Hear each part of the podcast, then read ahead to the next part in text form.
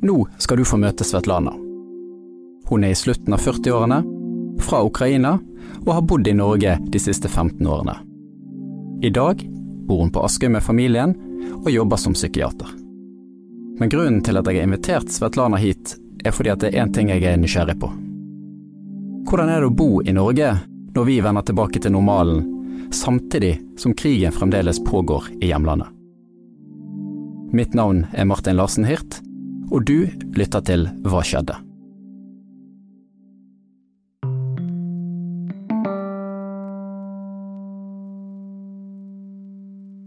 Svetlana Raknes, du har bodd 15 år i Norge, de siste 12 årene på Askøy, og for ca. et halvt år siden så ble hjemlandet ditt, Ukraina, angrepet av Russland. Hva er det som sitter sterkest igjen hos deg fra disse første dagene i seint i februar, når invasjonen var et faktum? Den dagen jeg våknet og jeg så nyheter, og det første det er at jeg begynner å grine. Første dagene det var så høyt stressnivå at uh, jeg klarte ikke å konsentrere meg om noe som helst. Jeg prøvde å, å, å beskytte mine barn og, og gjøre eh, dagen mest uh, gjennomførbar. Uh, men jeg, jeg, kjente at det var veldig, veldig vanskelig. Men kanskje det som jeg kan trekke mest, det er at jeg kom hjem dagen nummer én eller to og jeg så at min mann hentet flagget, ukrainske flagget, og hengte den på stangen.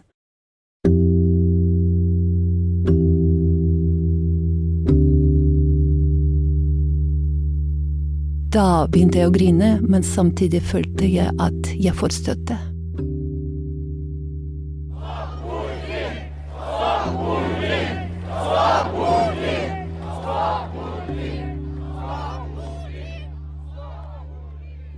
Vi snakket med deg eh, i slutten av februar når du deltok på en demonstrasjon på Torgallmenningen, og òg igjen i, i, mars. På det tidspunktet så hadde du din mor og tante i Sumi, som på det tidspunktet mer eller mindre var omringet av russiske styrker. Kan du si litt hvordan det har gått med de?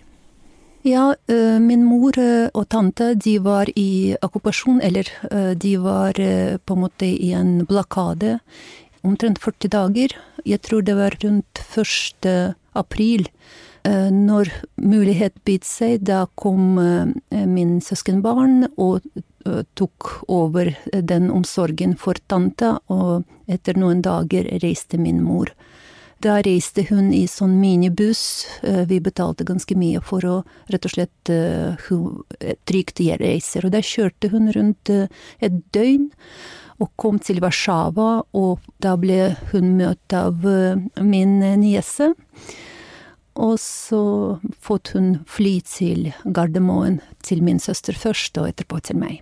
Du nevnte støtten du opplevde når det ukrainske flagget ble hengt eh, opp eh, hjemme hos dere tidlig i, i krigens første fase.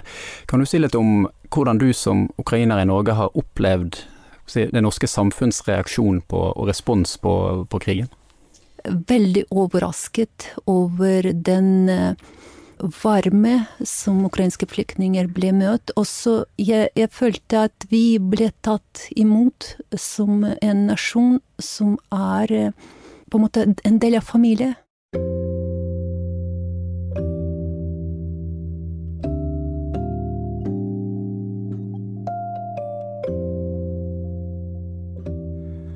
Så går det noen måneder, og det norske samfunnet sklir tilbake til normalen.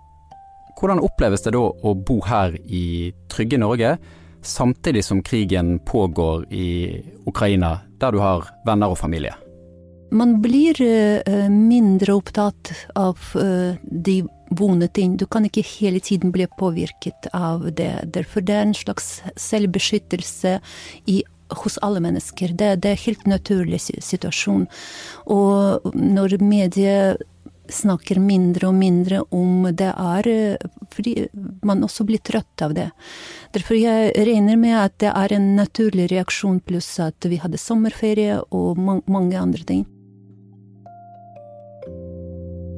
Ja, I dag så kom altså de to bussene som har henta ukrainske flyktninger tilbake til Bergen.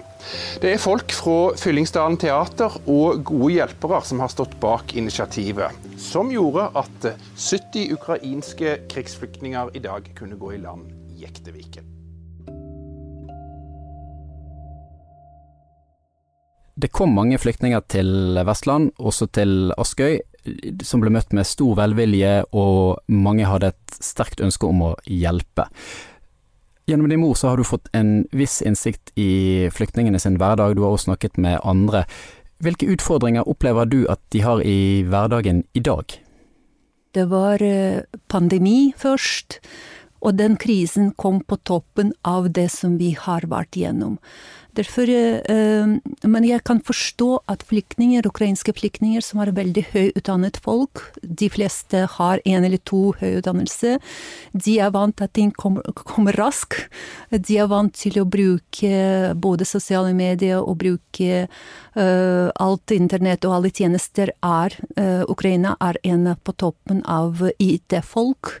Derfor det er mye som de var vant til, bortskjemt for å si det sånn. Og plutselig kommer til mer sånn sedatsamfunn som bruker tid.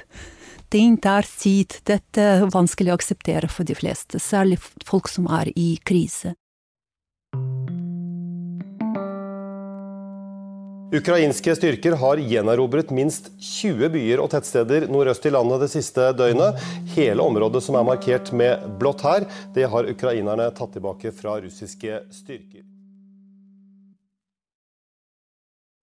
Den siste tiden så har jo oppmerksomheten rundt eh, situasjonen i Ukraina økt igjen, i, i takt med, med, den ukrainske offensiven øst i, i, landet. Gir det deg et håp om en løsning på konflikten, eller en, en ukrainsk seier? Dette er krig som varer, historisk perspektiv, i mange hundre år. Det er bare kanskje litt mer kjent uh, for uh, norsk samfunn uh, fra 24. februar. Men dette er konflikt som pågått årevis. Og når du bor ved siden av et svar land som er ganske aggressiv gjennom hele historien, du forstår at du kan ikke bekjempe den fiende uten at du får hjelp.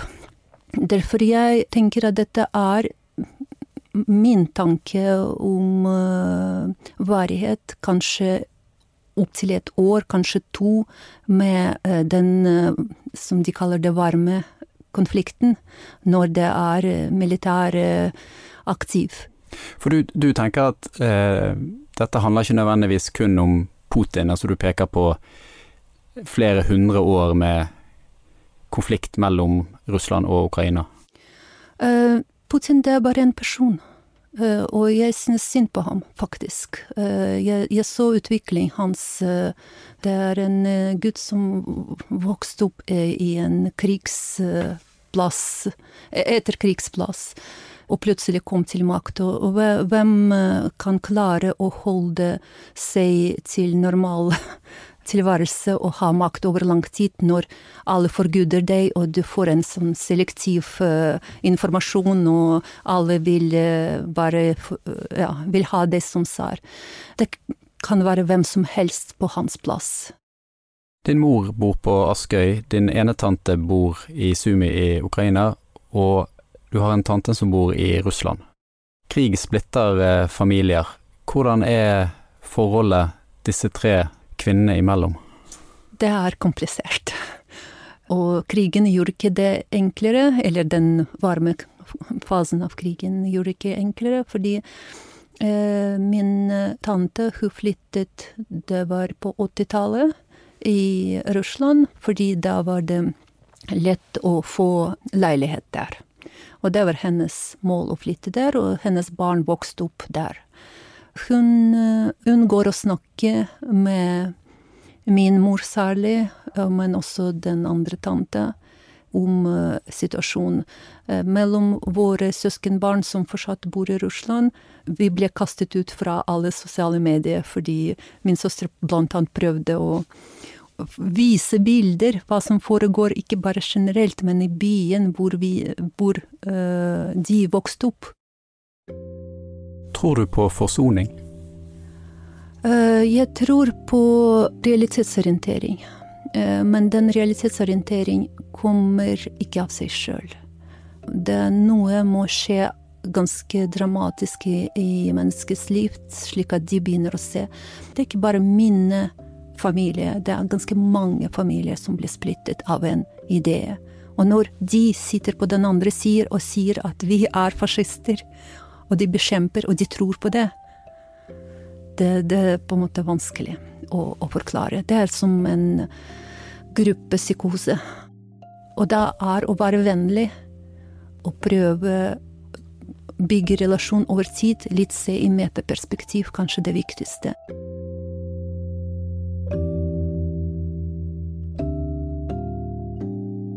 Hva savner du mest fra hjemlandet ditt?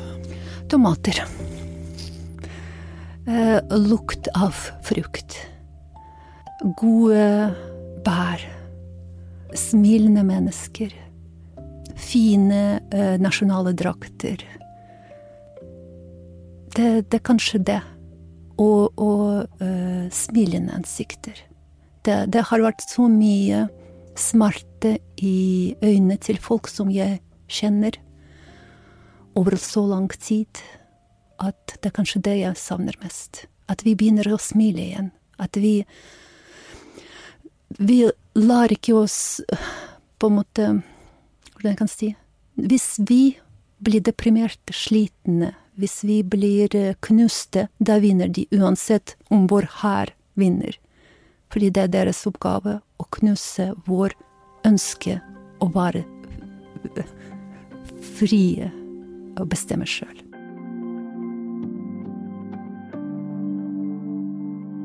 Du har hørt en episode av Hva skjedde? Nyhetsklippene var fra NRK og Dagsavisen. Martin Larsen Hirt og Anna Offstad er ansvarlige for denne episoden.